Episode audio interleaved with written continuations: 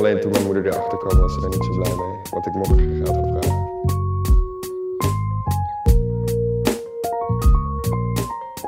Dat kan je idealistisch noemen. Maar tot nu toe is gebleken dat door zo'n houding heel veel mooie dingen kunnen ontstaan.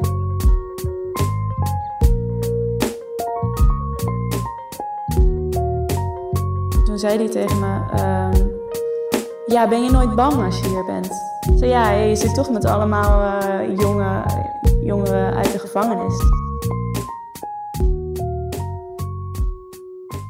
Dag luisteraars, welkom bij Jong op de Tong, een podcast van de Nationale Jeugdraad. De opzet van deze podcast is simpel. Elke keer voer ik een gesprek met een jong persoon die op zijn of haar eigen manier de wereld wil verbeteren. Nu zit ik hier met Veerle Pieters. Ze is 23 en als jongerenvertegenwoordiger Europese Zaken praat ze met de grote bazen in Europa over hoe het beleid beter kan. Daarnaast is ze nog op allerlei andere manieren maatschappelijk actief.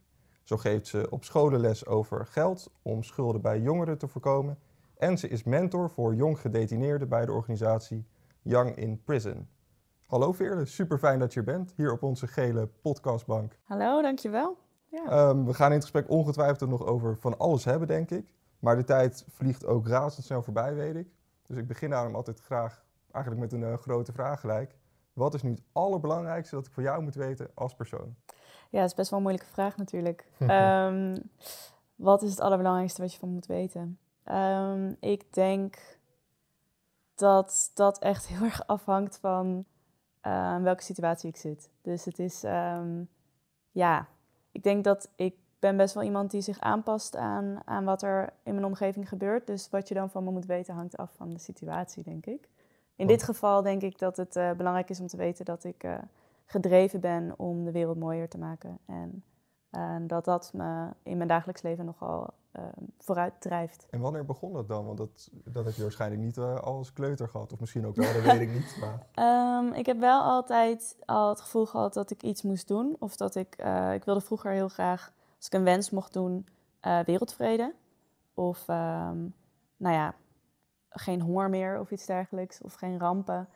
Um, maar dat ik echt daar iets actief mee wilde doen, is eigenlijk na mijn, um, mijn master antropologie uh, begonnen.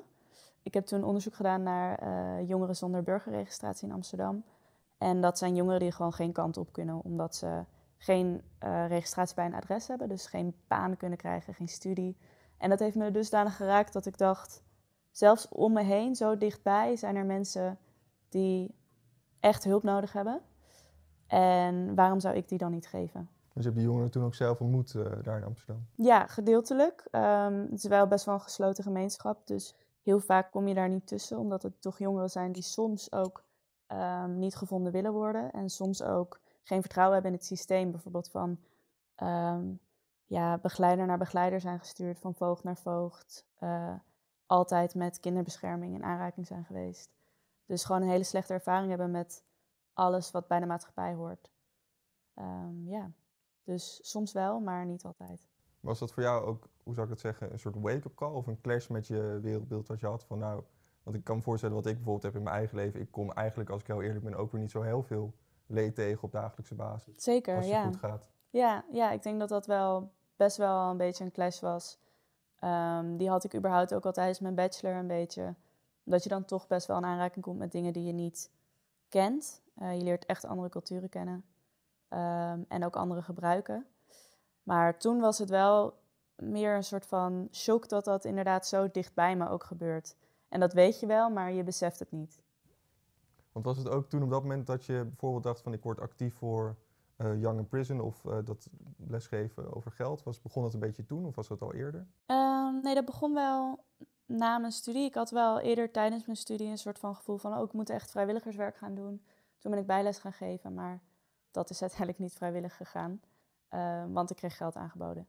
Uh, maar nou, het was, was leuk. Ja, ja, het was best wel een plus natuurlijk. Maar het was niet helemaal wat ik voor ogen had. Maar goed, um, ja, het was ook fijn natuurlijk. maar ja, na mijn studie dacht ik, ik wil eigenlijk nog niet een echte grote mensenbaan. Ik wil gewoon iets gaan doen wat me gelukkig maakt. En mij, ja, wat mij gelukkig maakt is toch ook dat andere mensen gelukkig zijn. Dus toen ben ik uh, eerst les gaan geven bij Diversion for Moneyways. En dat vond ik heel erg leuk. Om eigenlijk gewoon over geld te praten op een manier dat dat geen gêne heeft.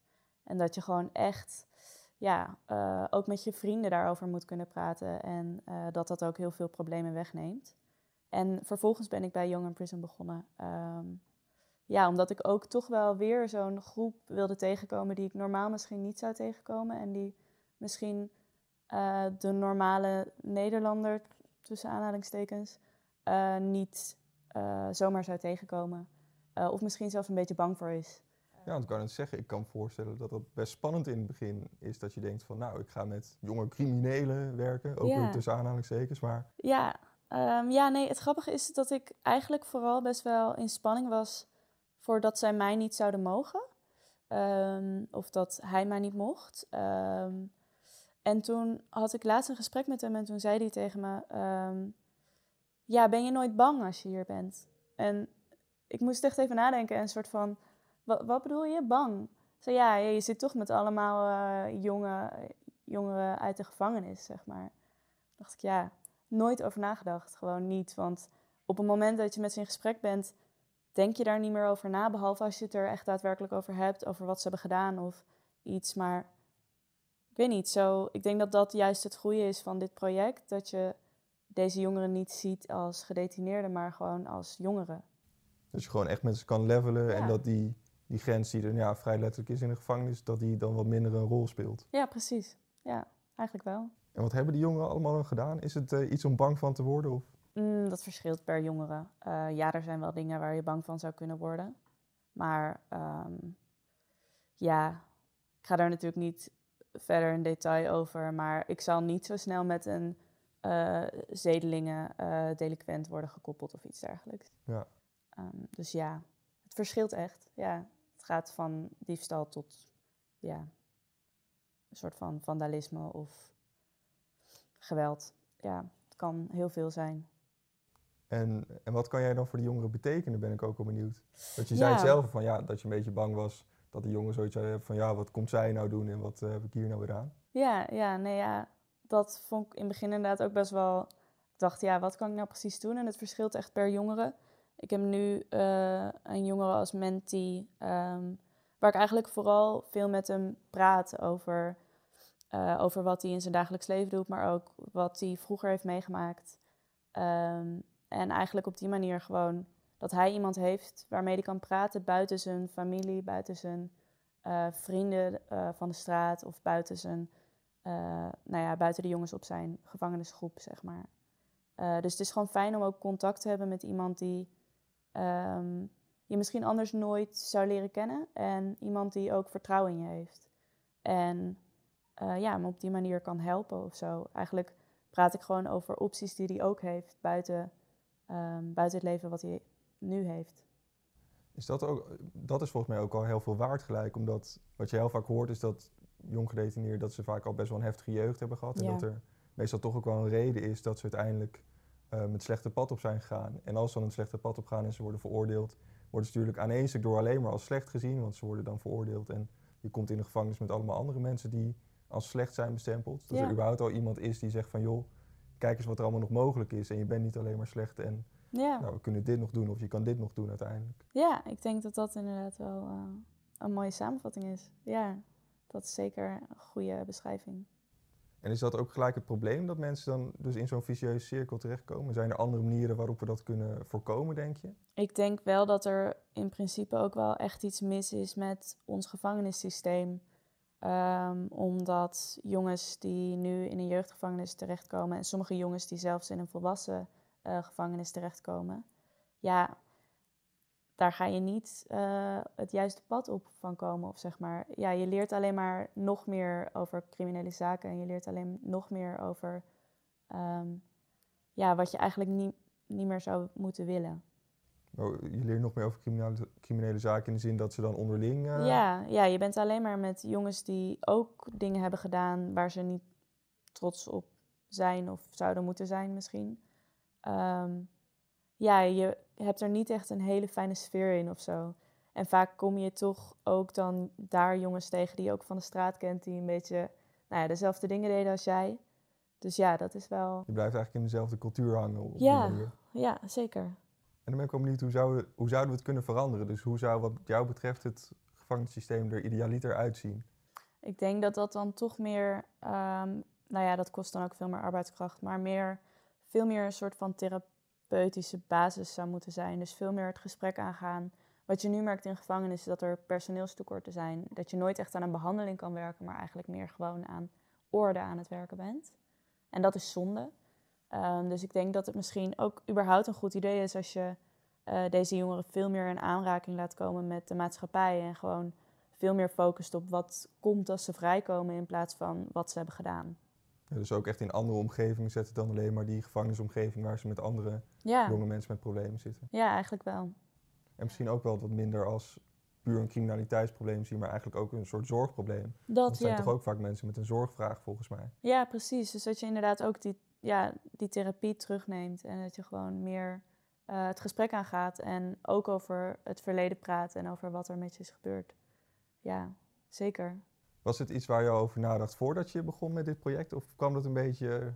Ehm, nee, ja, op zich had ik hier altijd wel mijn ideeën over of zo, maar je wordt er echt mee geconfronteerd als je daar ook binnenkomt. En ja, als je daar dan rondloopt en je hoort de deuren in het slot vallen en ja, dan denk je, oh ja, dit is echt een gevangenis.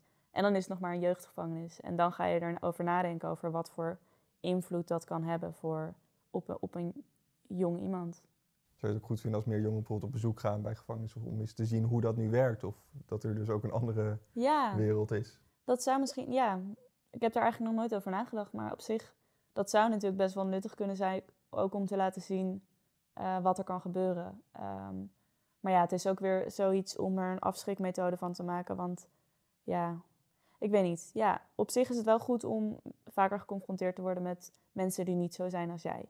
Ehm, en ik denk dat je dan het meest van elkaar leert als je eh, niet alleen maar mensen tegenkomt die hetzelfde denken, maar dat je echt wel op zoek gaat naar mensen die ehm, ja, een ander verhaal te vertellen hebben.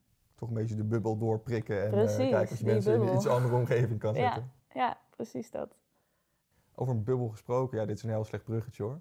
Maar ehm, want iets heel anders wat je natuurlijk doet, is jongeren vertegenwoordigen zijn Europese zaken.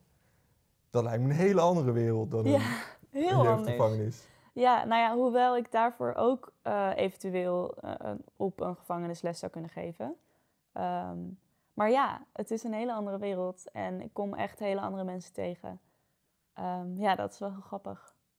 Want hoe is die wereld? Je bent geloof ik nog niet heel lang geleden begonnen. Ja, En dan klopt. kom je in een wereld terecht, misschien ook wel een beetje met veel bobo's, noem ik ze maar even. Dus eh, hoge pieven met wie je dan moet praten om Ja. beleid anders te krijgen. Ja, Hoe gaat dat tot nu toe?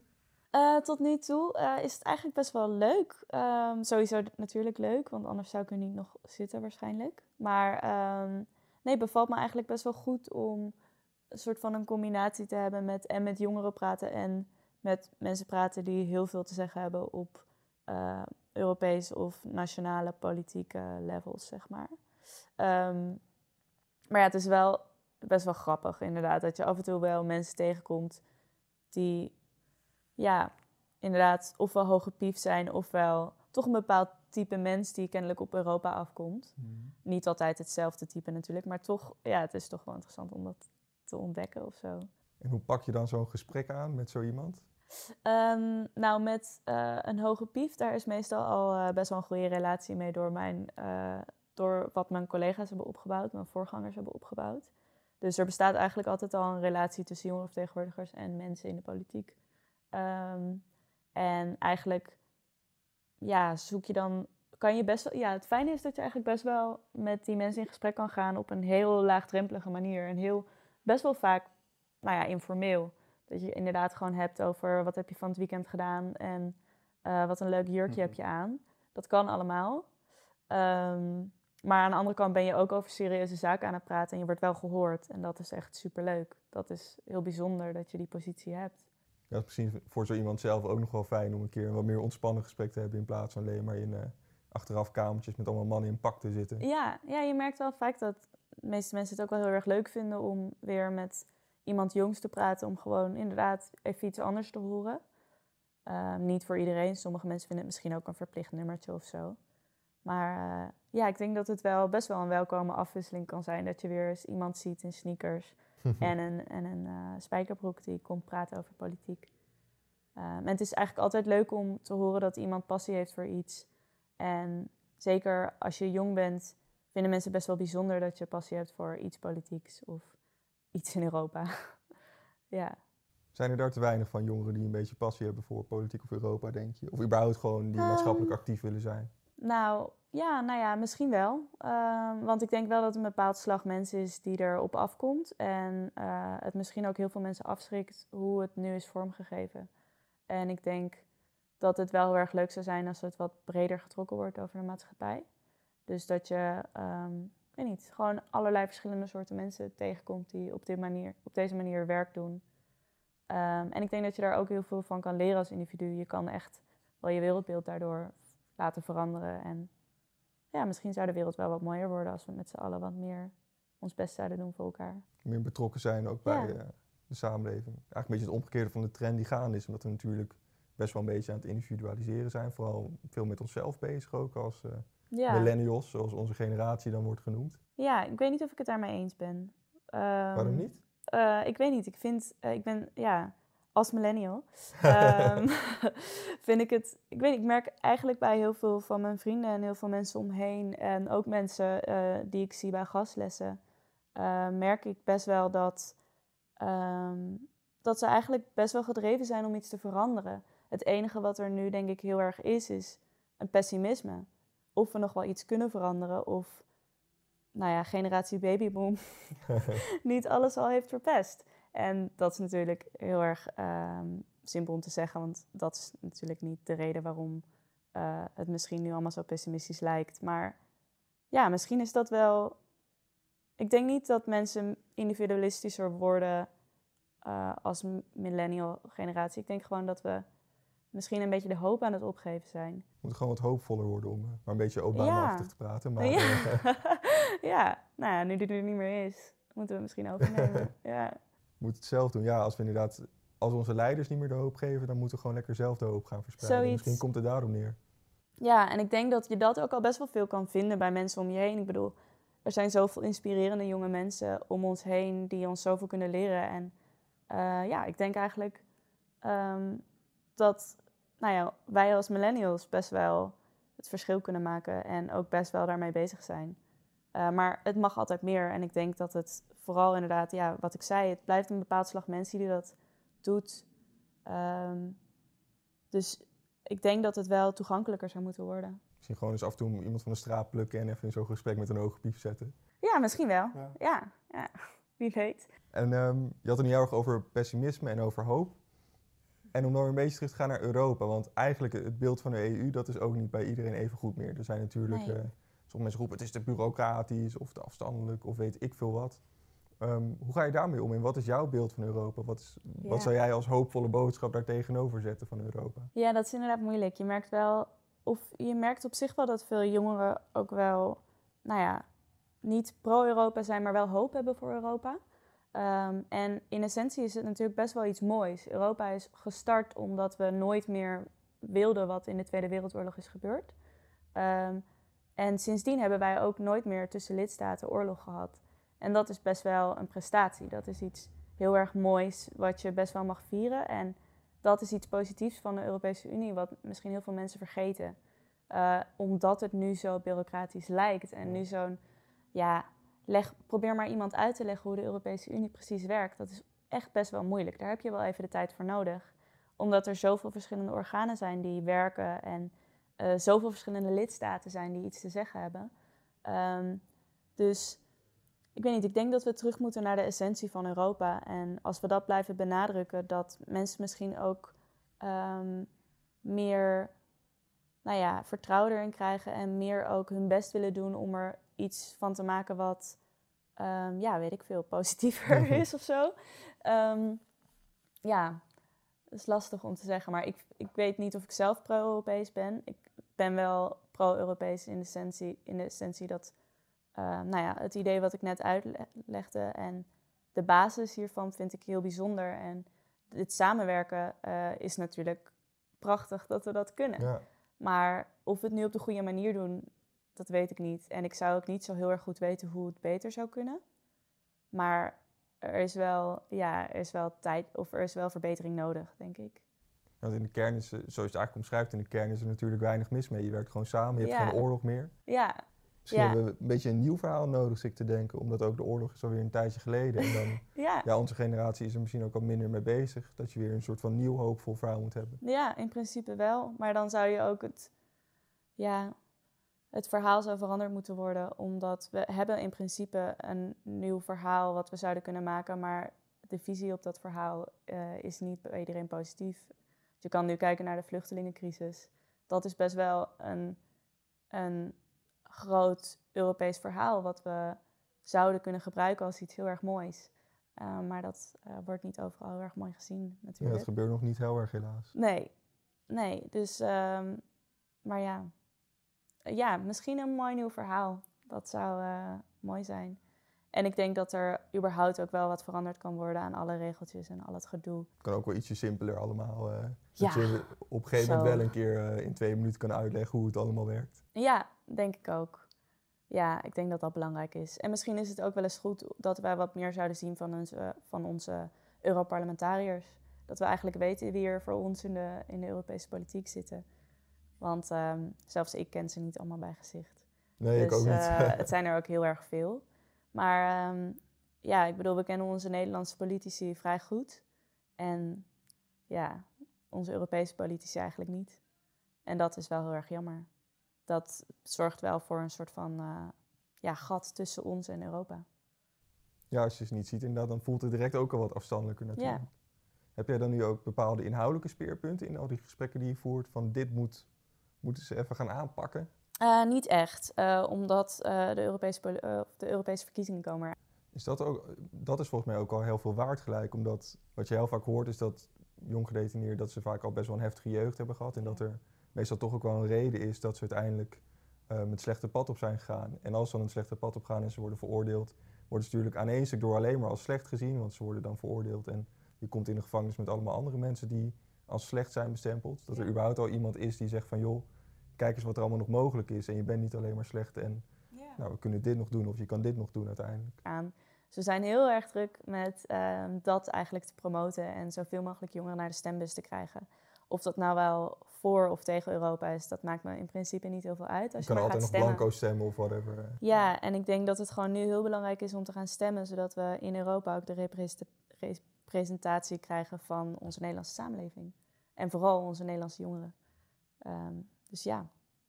Ga Ja, laten we beginnen met bewustwording inderdaad. Vooral als je Ja. kijkt naar verkiezingen rond Brexit en Trump, dat eigenlijk eh, de ouderen het bepaald hebben als je kijkt naar de opkomst. Ja, ja, en dat is ook wel de grootste groep die we hebben. Ehm, de grootste groep stemgerechtigden. Dus dat is natuurlijk ook al een dingetje. Ja, en ze komen veel meer opdagen. Dat is natuurlijk Ja, ook een beetje het probleem. Dat ook. Ja. Of ja, dat ze komen opdagen is niet het probleem. Dat de jongeren dat laten afweten, dat is een beetje Als dingetje. iedereen maar opkomt dagen, dan is het goed. Ja, zeker. Is er in die zin misschien ook een kleine kloof tussen jongeren en ouderen als het gaat om hun visie op hoe het allemaal moet? Want blijkbaar Ja. vinden die ouderen een heel ander idee als ze voor Brexit stemmen bijvoorbeeld. Ja, dat denk ik wel. Ehm, hoewel er ook natuurlijk overeenkomsten zijn. Ehm, maar ja, tuurlijk, ja, we zijn met andere dingen bezig, eh, omdat wij nog een heel leven voor ons hebben. En oudere mensen hebben een ander deel van hun leven nog voor zich. En ja, dat lijkt voor ons allemaal heel erg ver weg. Dus misschien boeit het voor ons nog niet echt allemaal over eh, pensioenregelingen, AOW-leeftijd, verzorgingstehuizen, heus wel, want we zijn ook begaan met onze samenleving. Maar eh, voor ons is het misschien belangrijker wat er gebeurt met de studiefinanciering of ehm, überhaupt hoe het onderwijs wordt vormgegeven of eh, minimumloon of iets. We hebben andere dingen die we belangrijk vinden omdat we in een ander punt van ons leven staan, denk ik. En hoe ga je dan jongeren toch overtuigen om te gaan stemmen en zeggen van waarom, hoe ga je vertellen waarom het zo ontzettend belangrijk is? Eh, nou ja, wat ik net ook zei, het is gewoon belangrijk dat er in de politiek een representatie is van wat er in de samenleving is. Dit is het moment dat je verschil kan maken op jouw manier. En op een andere manier lukt het nu niet, want de politiek is te moeilijk om binnen te komen. Je moet dat met je, verkies met je stem gaan doen.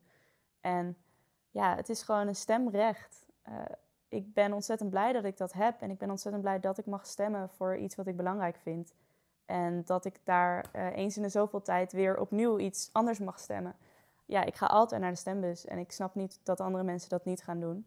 Uh, maar meestal als ik dit verhaal vertel of als ik um, nou ja, gewoon aangeef hoe belangrijk het is, ook jouw ene stem, dan um, zijn er heus wel weer wat mensen die overtuigd zijn. Maar ja, het blijft moeilijk om mensen, zeker voor een droge, niet zo sexy verkiezing Ja. als de Europese verkiezingen, eh, naar de stembus te krijgen. Maar we hebben leuke campagnes staan, dus het Oh, wordt, nee, een, het dat, wordt eh, een heel leuk jaar. Ja, En kan je dan, ga je dan ook laten zien wat het voor mensen alsnog in hun dagelijks leven betekent of kan betekenen Ja. over een paar jaar? zeker. Ja, in gastlessen geven we überhaupt wel aan wat, eh, wat Europese wetgeving eigenlijk betekent in het dagelijks leven voor jongeren en voor ouderen. Eh, gewoon voor de hele samenleving. Ehm, en ik denk dat helpt ook wel heel erg goed. Dus gewoon het zo eh, betrekken op het dagelijks leven, dat is wel heel fijn. Ja. Ja. Ja, want som, maar ja, ja, soms zijn natuurlijk ook weer een beetje de grotere dingen als klimaatverandering en zo, waar je dan... eh, Ja. ja, die heel belangrijk zijn, maar misschien merk je die eh, niet altijd in je dagelijks leven. En dat maakt het moeilijk om mensen er enthousiast voor te maken of begaan voor te krijgen. Ja, Ja, hij moet een beetje allebei. Hè? Dus vertellen dat je nu gratis kan bellen in het buitenland en dat je het precies. klimaat een beetje wil redden. Dan heb je Ja. een mooie, mooie Precies, hele mooie samenvatting. Wil je niet eh, gastlessen komen geven? Nee, daar ben ik totaal niet geschikt voor. Ik kan alleen maar dit, podcast presenteren. Dat is het enige wat ik kan in mijn leven. Oké. nou, misschien. Ik, eh, Misschien. misschien, misschien. Je bent welkom. Volgens mij naderen we alweer een beetje het, eh, het half uur vol. Of zit ik nu te liegen? Ook en dan een korte pauze. Mijn stem die is echt... ik ben veel te droog hier. Het wordt ook warmer en warmer. Ja, Zo. Fijn. hey, super chill. Ik vond eh, de overgang van de bubbel hartstikke mooi hoor. Oh ja, misschien dat- stomme ja, je moet overgang. eigenlijk helemaal niet zeggen dat er stomme overgang is natuurlijk. Maar eh, Nou, cool. Nou, die gastlessen ga ik nog even over nadenken. Maar we gaan in ieder geval nog een laatste ultieme poging doen om al die mensen naar de stembus te krijgen. Met de Europese verkiezingen. En eh, eigenlijk hebben we daar een hele mooie slotvraag voor. Oké, Want cool. ehm, we zitten hier bij deze podcast best wel met idealisten. Nou, daar schaar ik jou ook wel onder. En dan vragen we altijd aan het einde van de podcast: wat is nu jouw grote ideaal? Ik dacht dan is het misschien hartstikke mooi als jij nu het grote ideaal van Europa over 10 of 20 jaar kan schetsen. Wauw. En dan mag je ook nog Ehm, nadenken over wat jouw eigen plek is eh, in die wereld. Misschien ben je wel de baas van Europa, de commissievoorzitter of zo. Woe. Ehm, nou, eh, ja, wat een vraag stel je me daar. Eh, ideale Europa. Sowieso is een ideaal Europa een Europa waar iedereen bij betrokken is. Eh, en ik denk ehm, dat het dan vooral belangrijk is dat Europa zichtbaar is. Dat mensen weten wat Europa doet, wat het beslist, ehm, wie je daar kan vinden, op wie je stemt. Dat er gewoon veel meer bekend is. En niet een soort van ja, Europa blijft een soort van mysterie af en toe. Ehm, en ik denk dat het belangrijk is dat je ook als je je er niet heel erg heftig op gaat inlezen, dat je weet wat de Europese Unie doet en wie, doen, wie daar iets doen. Ehm, dus ik denk dat die soort van ja, bekendheid en die soort van begrip of zo heel belangrijk is. Ehm, maar daarnaast, nou, wat is mijn positie daarin? Dat is ook wel een goede. Ik denk niet dat ik eh, in een Europees eh, bestuur hoef. Ehm, misschien wel als de, ja, als de Europese Unie anders gevormd is, wie weet. Dan zou ik misschien wel heel veel kunnen betekenen. Dat zou natuurlijk wel heel erg leuk zijn. Ehm, maar hoe het er nu uitziet, hoeveel eh compromissen je moet maken en hoe weinig je gedaan kan krijgen soms. Ik denk dat ik daar moedeloos van zou worden. Dus ik weet niet of dat voor mij een geschikte positie is. Maar, Maar ehm, goed, is jouw ideaal, dus jij kan zo mijn simpel ideaal, maken en dus effectief ik, maken als ik je ben dan gewoon dictator. Nee. Eh, dat absoluut niet, want ik denk niet dat ik daar eh, überhaupt genoeg daadkracht voor heb. Rare, eh, rare uitstap hier. Maakt niet uit. Ehm, goed. Nee, ik denk ehm, misschien in de ideale wereld dat ik wel een ideaal Europa kan maken. Ja, dat zou best leuk zijn. Ik denk dat een, mijn ideale Europa is een Europa voor iedereen. Dus ook ehm, dat we eigenlijk iedereen accepteren en dat de regelgeving, de wetgeving eh, ook zo is opgebouwd. Ehm, en dan is het natuurlijk ontzettend leuk om met heel veel inspirerende en gepassioneerde mensen samen te werken om zoiets klaar te spelen. Eh, maar aan de andere kant lijkt het me ook heel erg leuk om te doen wat ik nu eigenlijk nog doe, maar dan misschien niet als jongere, want dat ben ik dan niet meer. Ehm, maar ik denk wel dat het leuk is om mensen ja, te leren over de Europese Unie en ehm, het gewoon wat duidelijker te maken voor iedereen. En daardoor ook kan laten zien dat, oh, hoe, ja, op welke manier je misschien de meeste invloed hebt uh, op het Europa, um, het ideale Europa.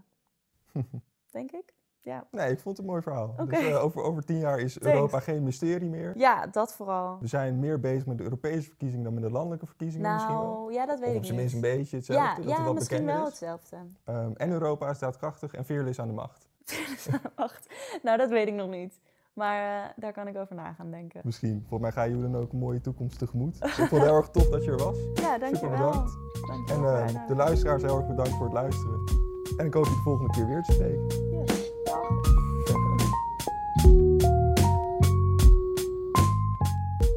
Luisterde naar Jong op de Tong, een podcast van NJR voor Changemakers. De productie is gedaan door Isabel Jensen, Jip Schalks en Joran Poot. De muziek is van Andro Akkerman en je hoorde de stem van Tim Homan.